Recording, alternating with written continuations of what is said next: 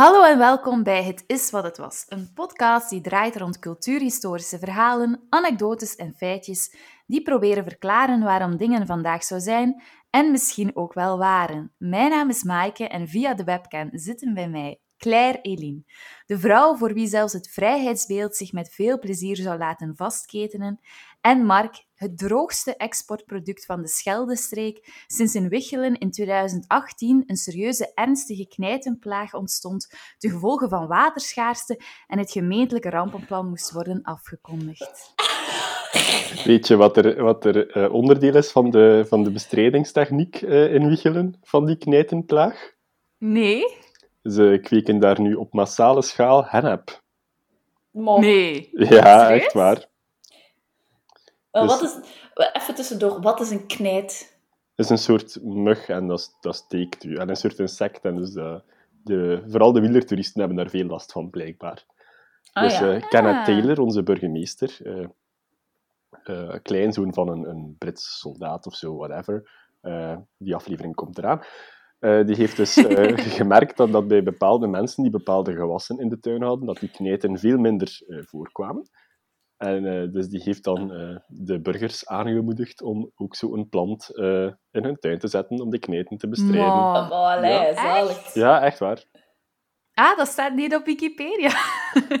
Ik zal u de link uh, bezorgen. Je kunt hem er Ja. uh, in de doodly-doo uh, zetten. Ja, super. Zalig. Ah nee, dat, dat stond niet in het artikel. Raar. Voilà, Raar en dat dus uh, meer- dat was mijn Ja. bijdrage voor vandaag. Uh, Eh, hallo, goedemorgen. Hi.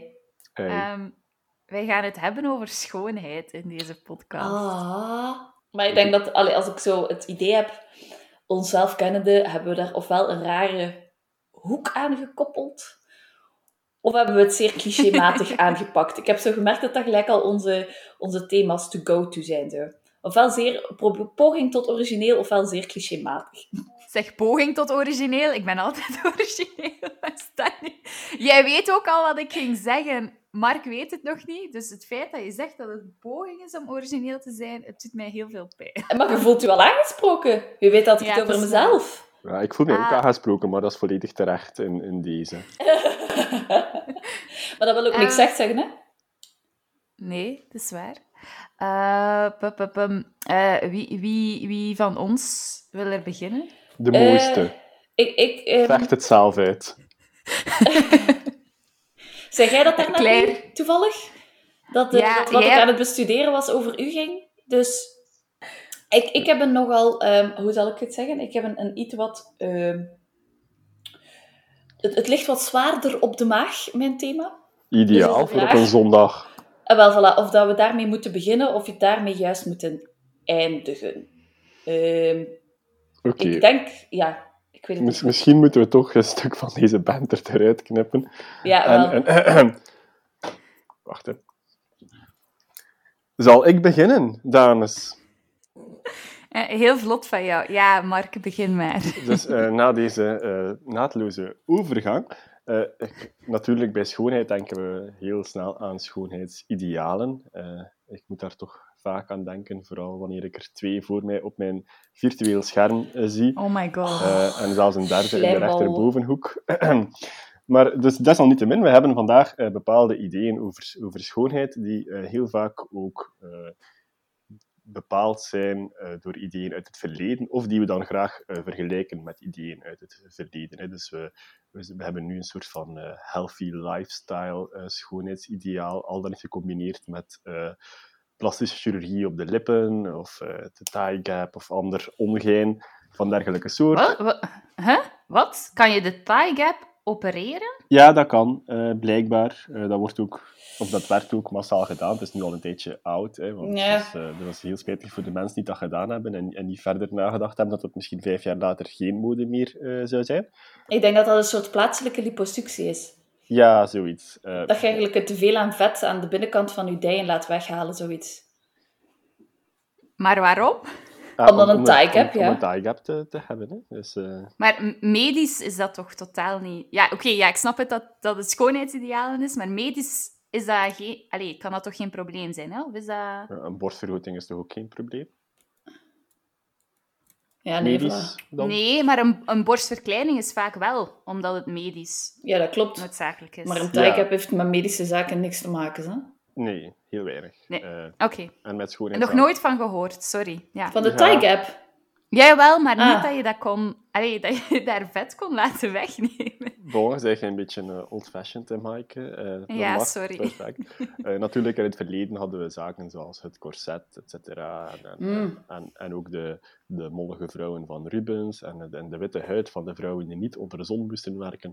dat soort zaken. Juist. Maar de echte schoonheidsidealen die we nu kennen, zijn een beetje gelanceerd in de, ja, zeg maar de vroege 20e eeuw. Dus, en dan Mhm. vooral de Roaring Twenties. Dus de, de s- openlijk eh, sensuele vrouw, vrouwelijke vormen, eh, niet te veel eh, gedoe met kledij die bepaalde zaken accentueert of niet meer accentueert. Het gaat meer om, om het lichaam aan zich, de, de make-up, et cetera. Natuurlijk ook iets meer natuurlijk, eyeliner, rode lippenstift. En dat is eigenlijk een, een beeld dat is overgenomen van wat men dacht dat het schoonheidsideaal is bij de Egyptenaren.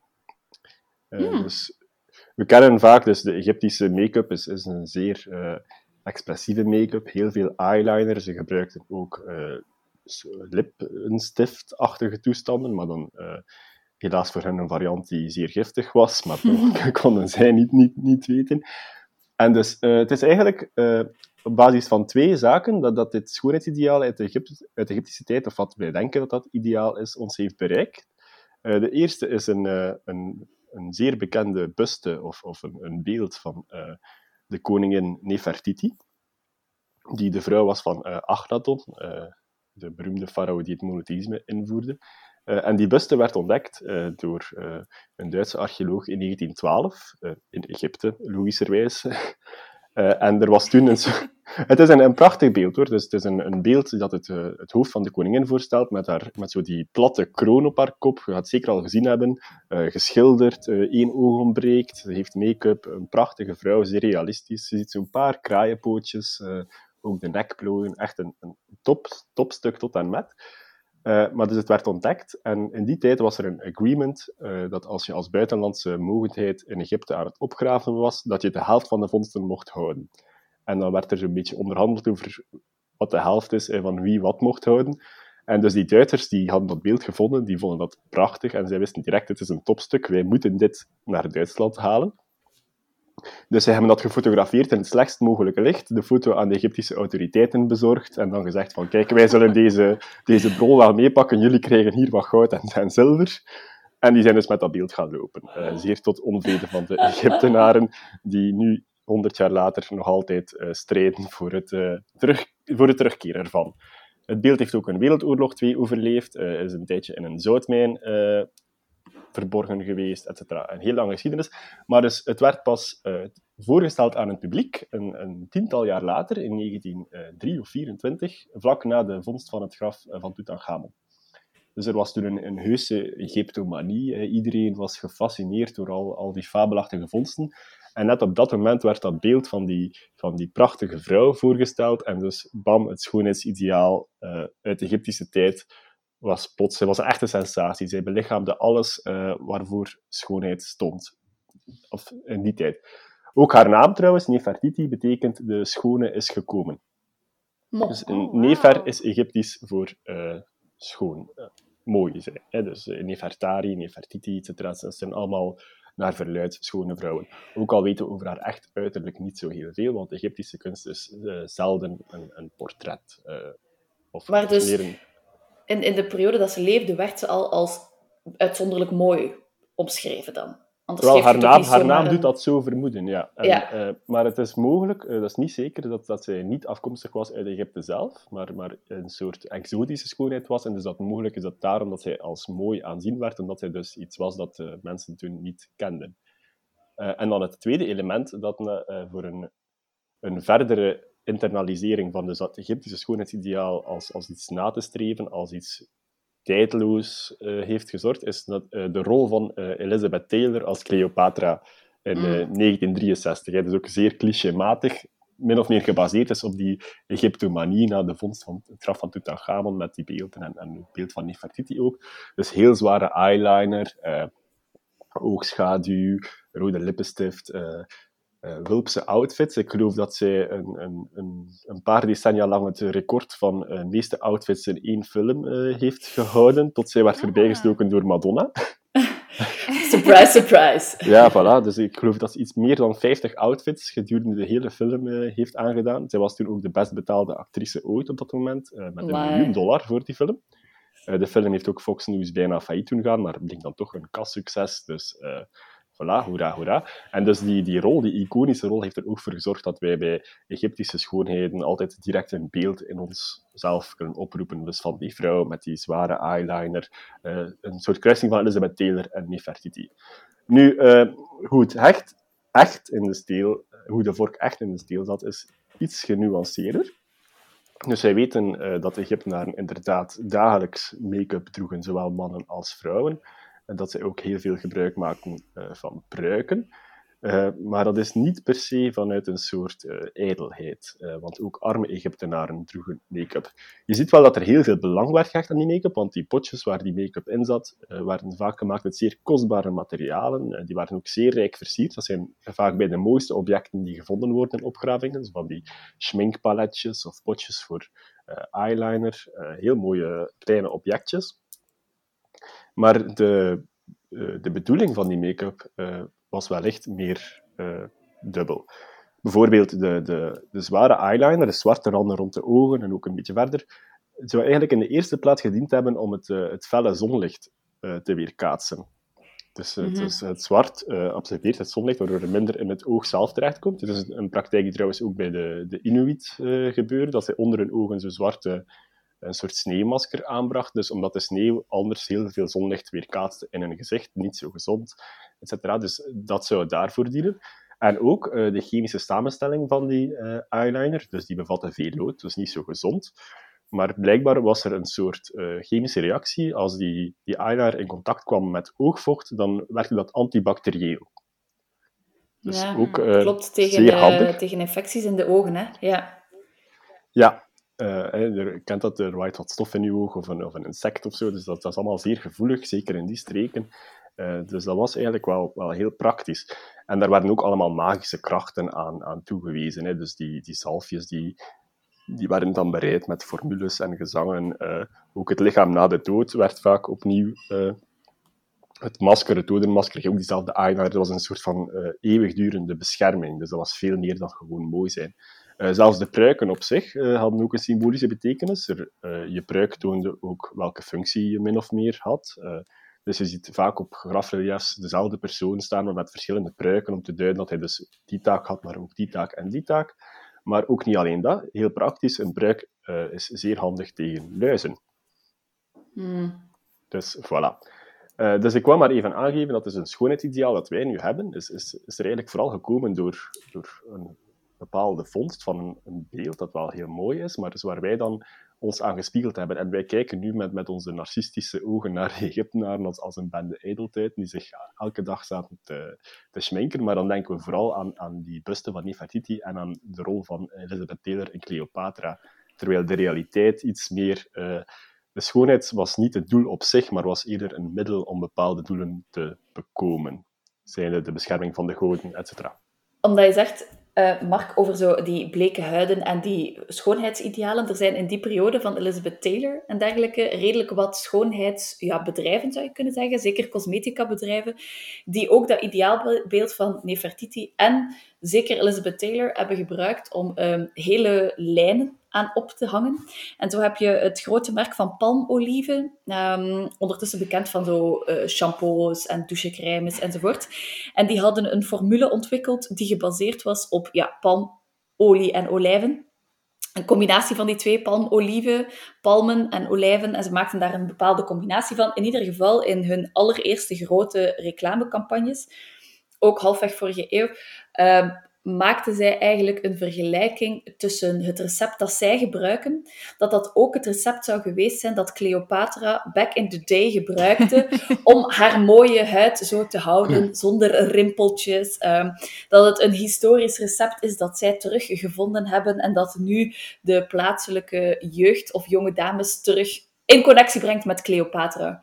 Terwijl we dus totaal geen idee hebben hoe die, hoe die madame er echt uitzag. Hè. Dus er is, dus, er is geen echte beeldnis van haar bewaard. Uh, buiten op, op Munter, en daar heeft zij een, een nogal lelijk streng uiterlijk, met, met rimpels ook. Ja, uh, een kin ook, of zo, en een grote neus. Ja, en ze wordt omschreven als mooi vooral door haar stem en levendigheid, en niet door haar uiterlijk. Weliswaar er iemand die haar nooit ontmoet heeft, dus dat is dan ook niet, niet zoveel waard.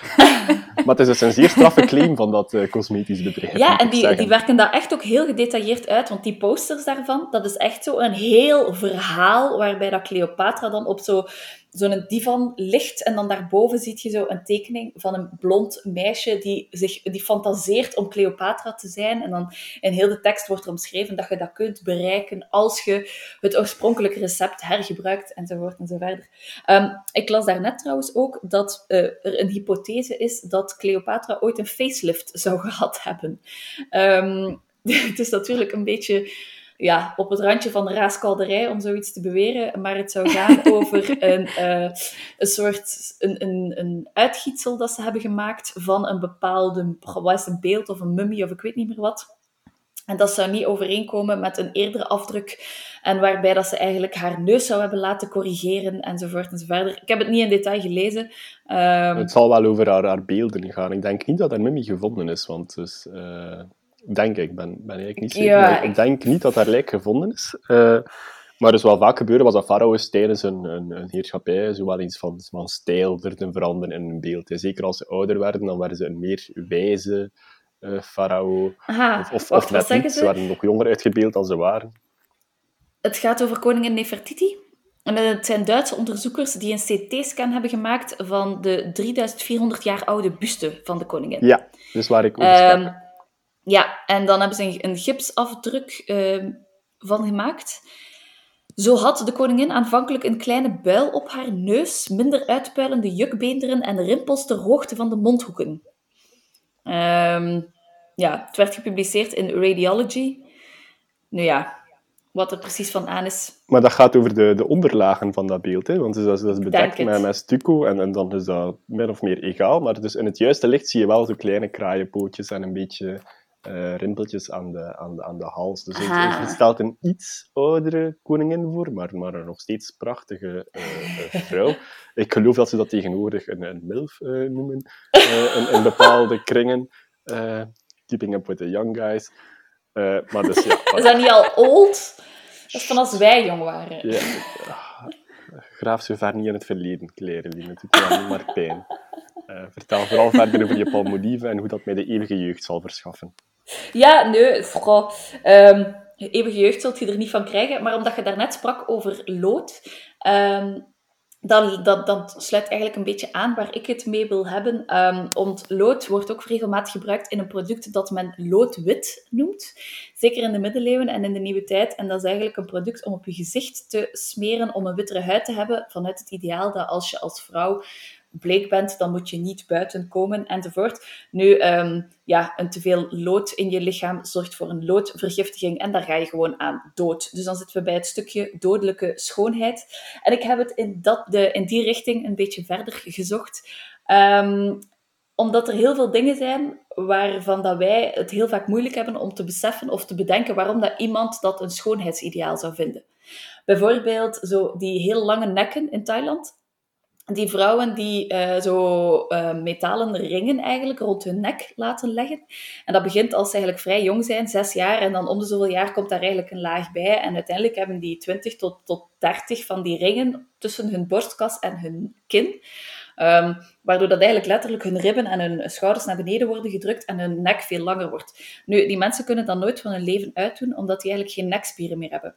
Dus die, is, die, die doen dat al vanaf dat ze zes, zeven jaar zijn, totdat ze eigenlijk ermee do mee doodgaan. Um, dat wordt ook zodanig gemaakt dat je dat eigenlijk ook niet zomaar af kan doen. Je gaat daar ook mee gaan slapen. Um, nu, tot daar aan toe, dat is gewoon een beetje uitrekken van de nekspieren. Um, dan heb je zo die lipplaten in allerlei Afrikaanse gemeenschappen, waar dat je bijvoorbeeld in Ethiopië, dat ze eigenlijk een klein gaatje maken in de onderlip en dat ze dat dan doorheen het leven helemaal uitrekken, totdat daar zo van die gigantische lipplaten in kunnen van een maximum doorsnede van 12 centimeter. Maar een doorsnede van 12 centimeter, dat is verdorie veel, hè. Um, dus dat ja, dan zo... Mijn piercer heeft die ook liggen. Um, nu, voor mij een van de raarste schoonheidszaken die ik ooit al heb ontmoet, uh, zijn, de, zijn de lotusvoetjes uit China. Oh, ja. En maar heb je ooit al iemand ontmoet? Nee, ik ga het zo zeggen dat ik ah. dat tegengekomen ben in mijn leven. Um, nu, daar gaan heel veel verhalen de ronde over. En ik dacht, ik wil nu wel eens weten wat er ook effectief van aan is en hoe groot dat, dat is. Want ik dacht altijd, ja, zoiets dat zal wel een niche zijn en dat zal een klein percentage van de Chinese bevolking zijn die dat deed. Uh, nu, niks is minder waar. Rond de 19e eeuw had ongeveer 50% van de Chinese bevolking, van de vrouwen dan toch, lotusvoetjes. Ehm, dus dat is echt heel veel. Nu doen ze dat niet meer. Dat is letterlijk uit de wet gehaald om dat, om dat nog te mogen doen. Die praktijk wordt eigenlijk verboden. Dat is nog maar sinds begin vorige eeuw. Um, en het is begonnen bij de Tang-dynastie uh, tussen 618 en 907. Dat is eigenlijk al een heel stuk geleden. In die periode zou er een beeldschone concubine zijn geweest aan het hof van de keizer, die van nature heel kleine voetjes had. En het feit dat ze eigenlijk zo schoon was, werden die voeten daaraan gelinkt en werd die praktijk effectief iets dat ze dagelijks deden. En dat was een schoonheidsideaal dat ook heel veel jonge meisjes moesten doen. Ja, we kennen de, de Chinese en de, de Aziatische culturen op dat vlak wel, dat er heel vaak van hogeraf een bepaald beeld wordt opgelegd aan jonge mensen die zich daarin moeten voegen, al dan niet. En dat is eigenlijk met die lotusvoetjes ook zo. Want dat zijn ouders die beslissen om vanaf een jaar of zes de voeten van een kindje, uh, van een, dochter dan, in te binden. Um, nu, ik ga wel even beschrijven hoe dat gebeurt. Daarom dat ik ook zeg, dat is niet zo luchtig voor de maag. Het komt erop neer dat vanaf dat eigenlijk de voeten van een kind zich definitief beginnen vormen, en dat dat wat minder flexibel wordt. Um, dat is meestal tussen 5, 6 tot 9 jaar.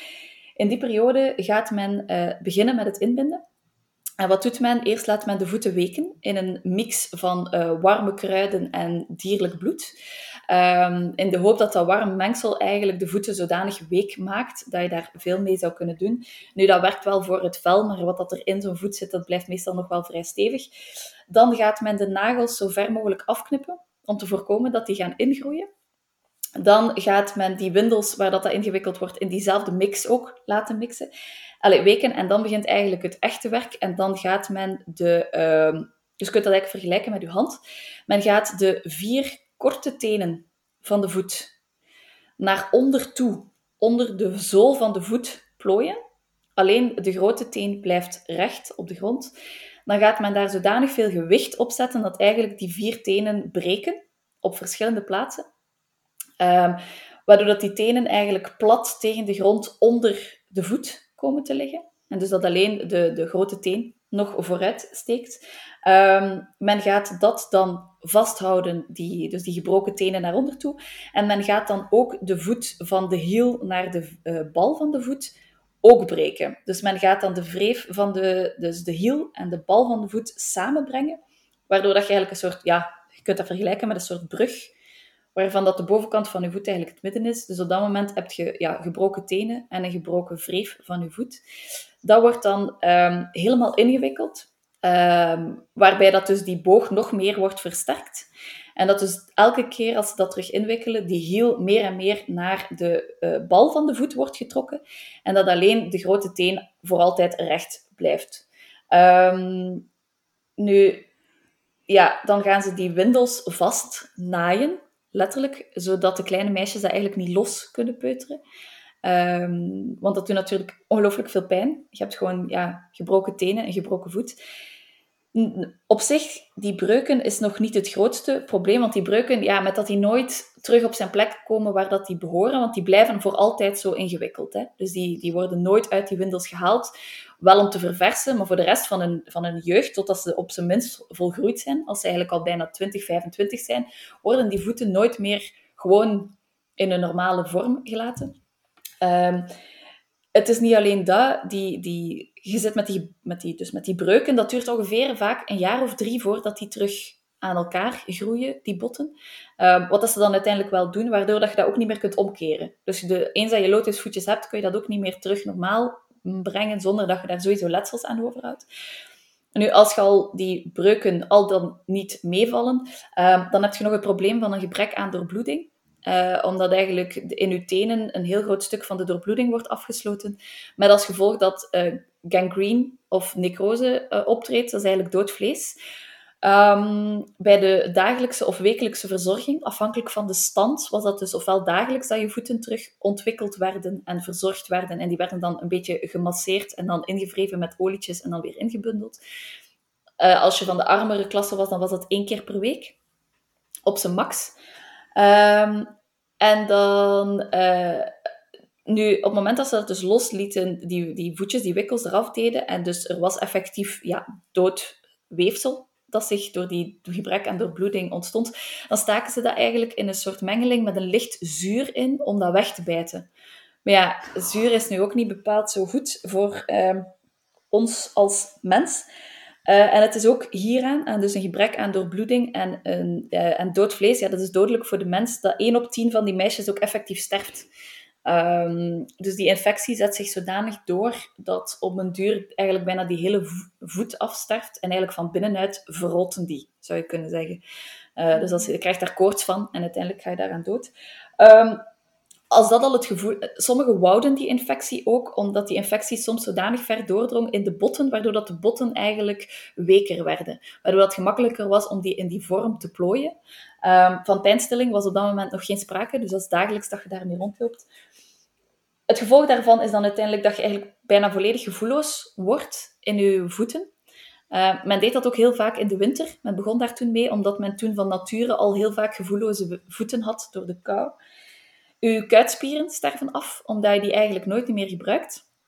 En de manier waarop dat je wandelt, is eigenlijk een soort waggelen, omdat je eigenlijk geen gewicht meer kunt leggen op de voorkant van je voeten. Je hebt daar nog maar één grote teen, maar wij hebben een, ja, onze schoenmaat, ja, mijn schoenmaat is 39. Um, ik weet niet wat jullie schoenmaat is, maar de voeten van de doorsnee vrouw met, um, met die lotusvoetjes was tot 12 centimeter.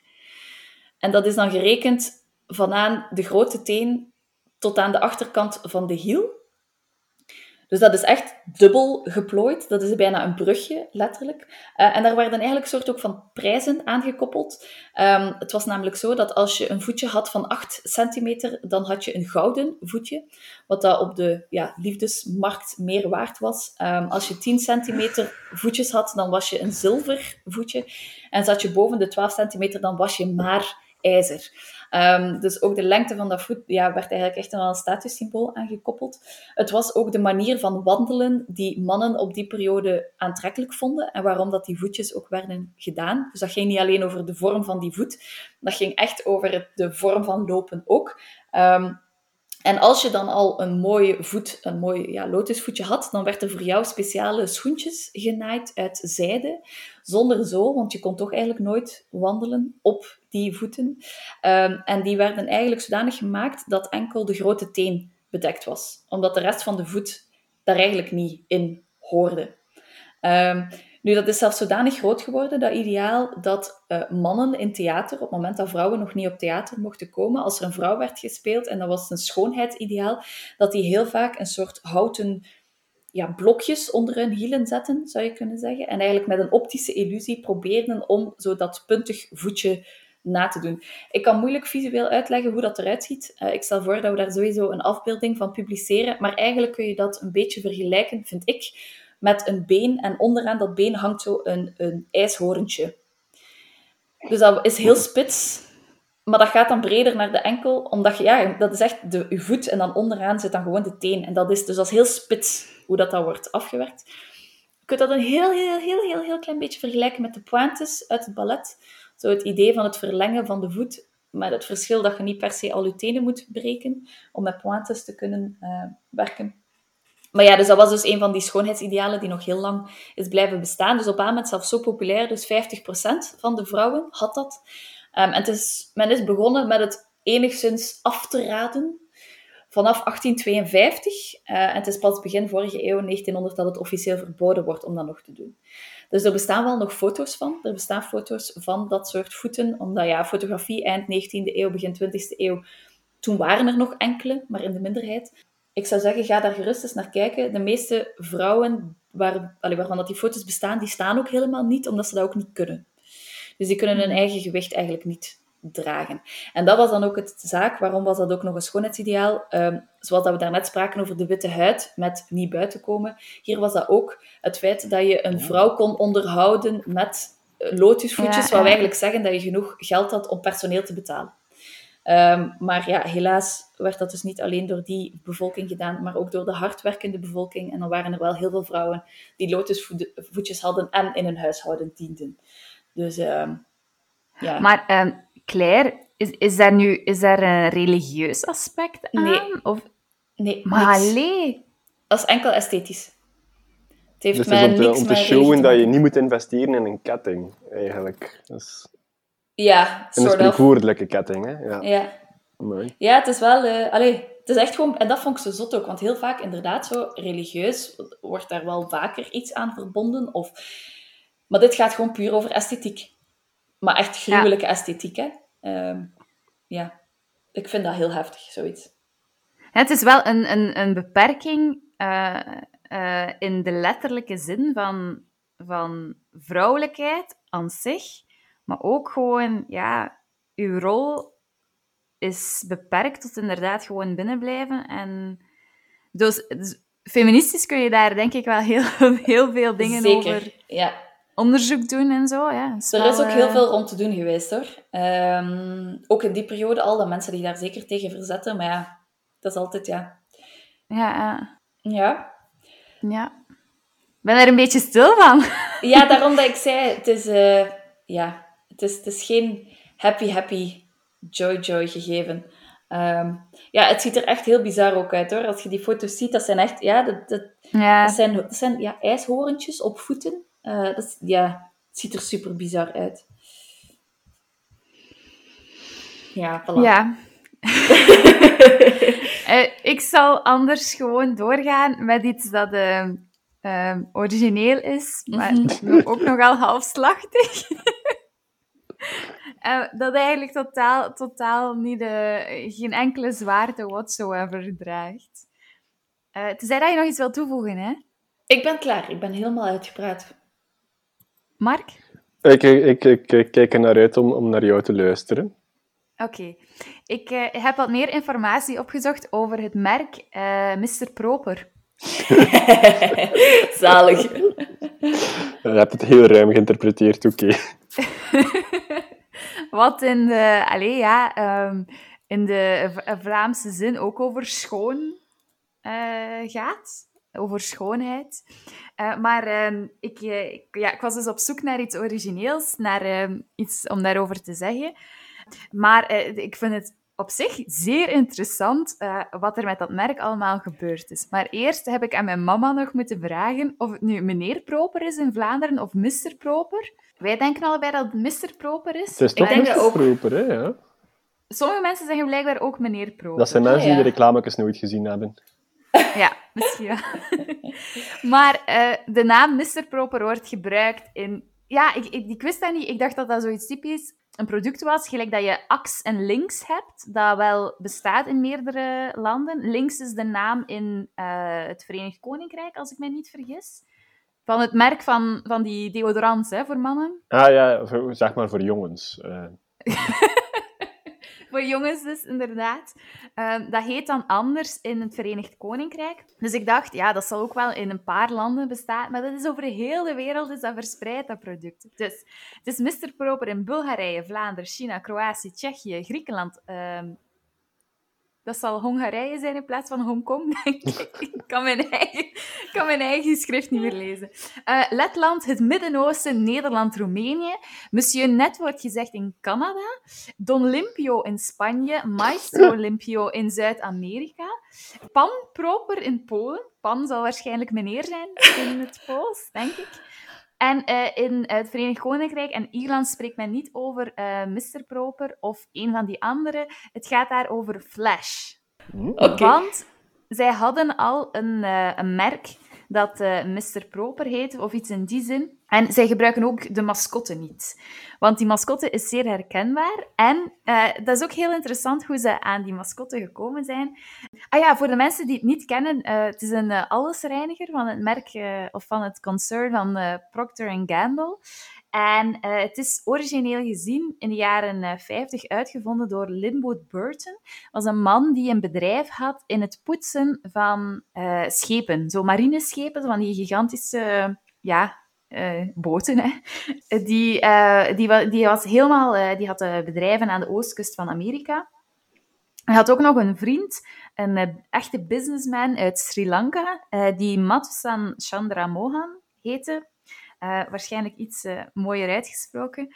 Maar die twee hebben samengewerkt omdat zij op zoek waren naar een makkelijkere manier om schepen te poetsen. Want uh, ja, eh, in de vroege 20e eeuw was veiligheid niet altijd even belangrijk.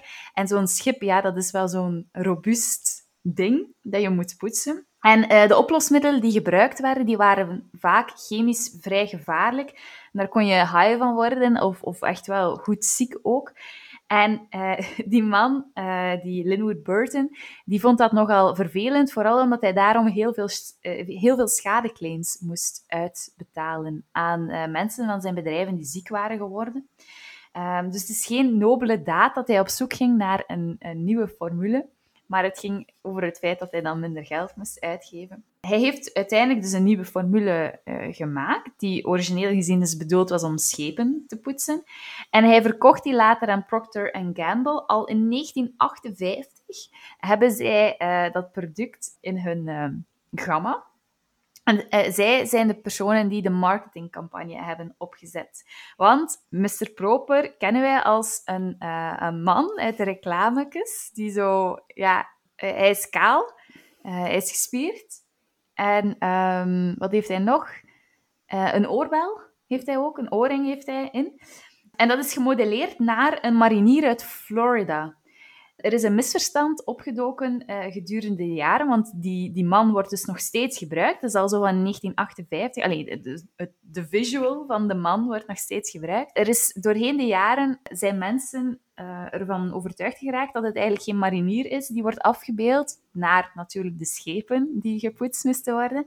Maar dat het een, um, een, een genie, een uh, geest uit de fles zou moeten voorstellen omdat hij ook vaak, uh, zeker in de laatste jaren, met gekruiste armen staat in de reclame. Of eventueel ineens gewoon ineens in de ruimte is, terwijl jij aan het poetsen bent en zo.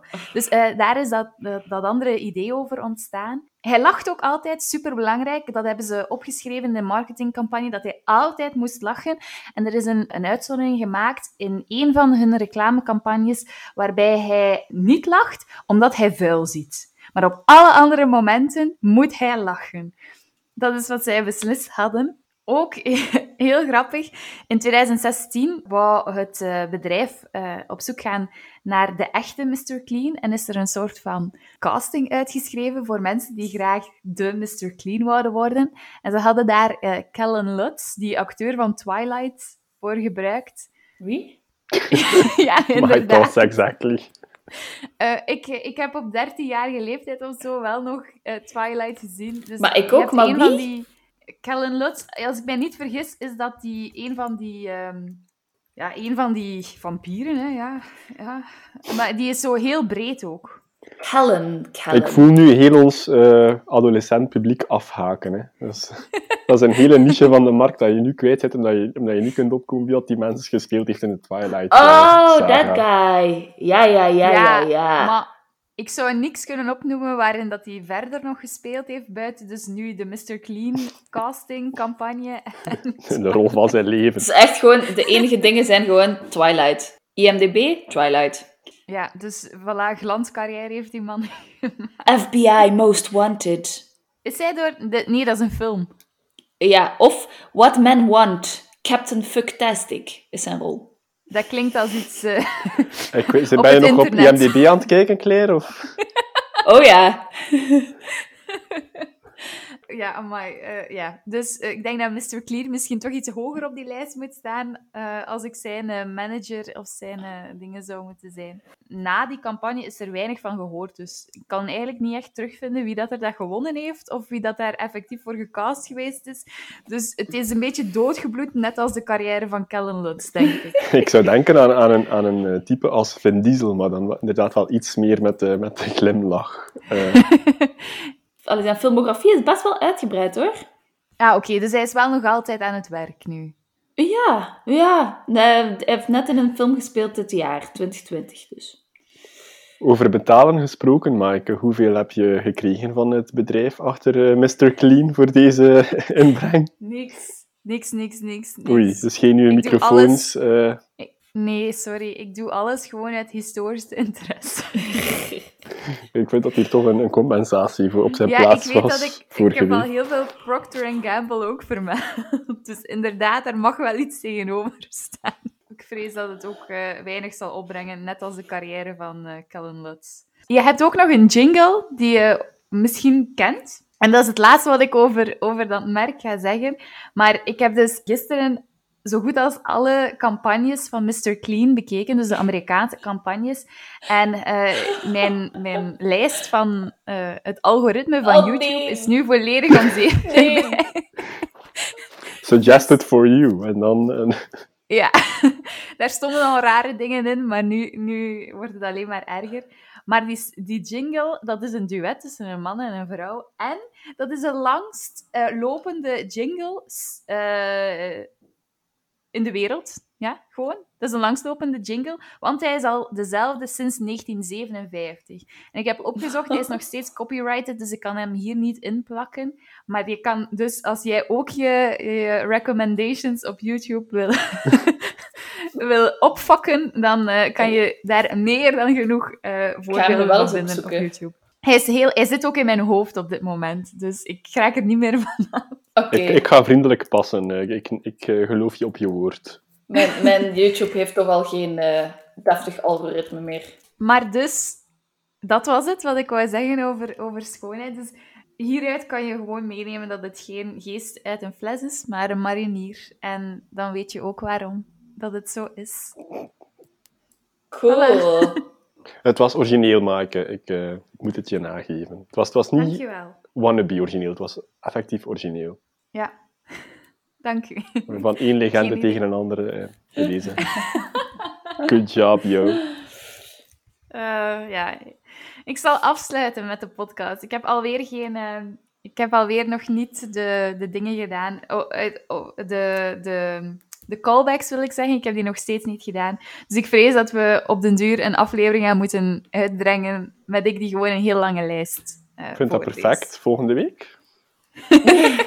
ja, ik, zal, uh, ik heb er nog vijf op, op dit moment die ik moet uh, monteren. Dus ik zal, ik zal een hele lijst proberen af te werken en te checken ook. Goed, dat was de podcast voor deze week. Volg ons op Facebook of Instagram bij de Het is wat het was pagina's. Abonneer via Spotify, Apple of Google Podcasts. En dan verlaten we jullie met een quote van Brits journaliste Julie Burchill. Sommigen zeggen dat een knap uiterlijk een paspoort is, maar het is veel eer een visum en eentje dat heel snel verloopt. Dankjewel voor het luisteren. Bye bye.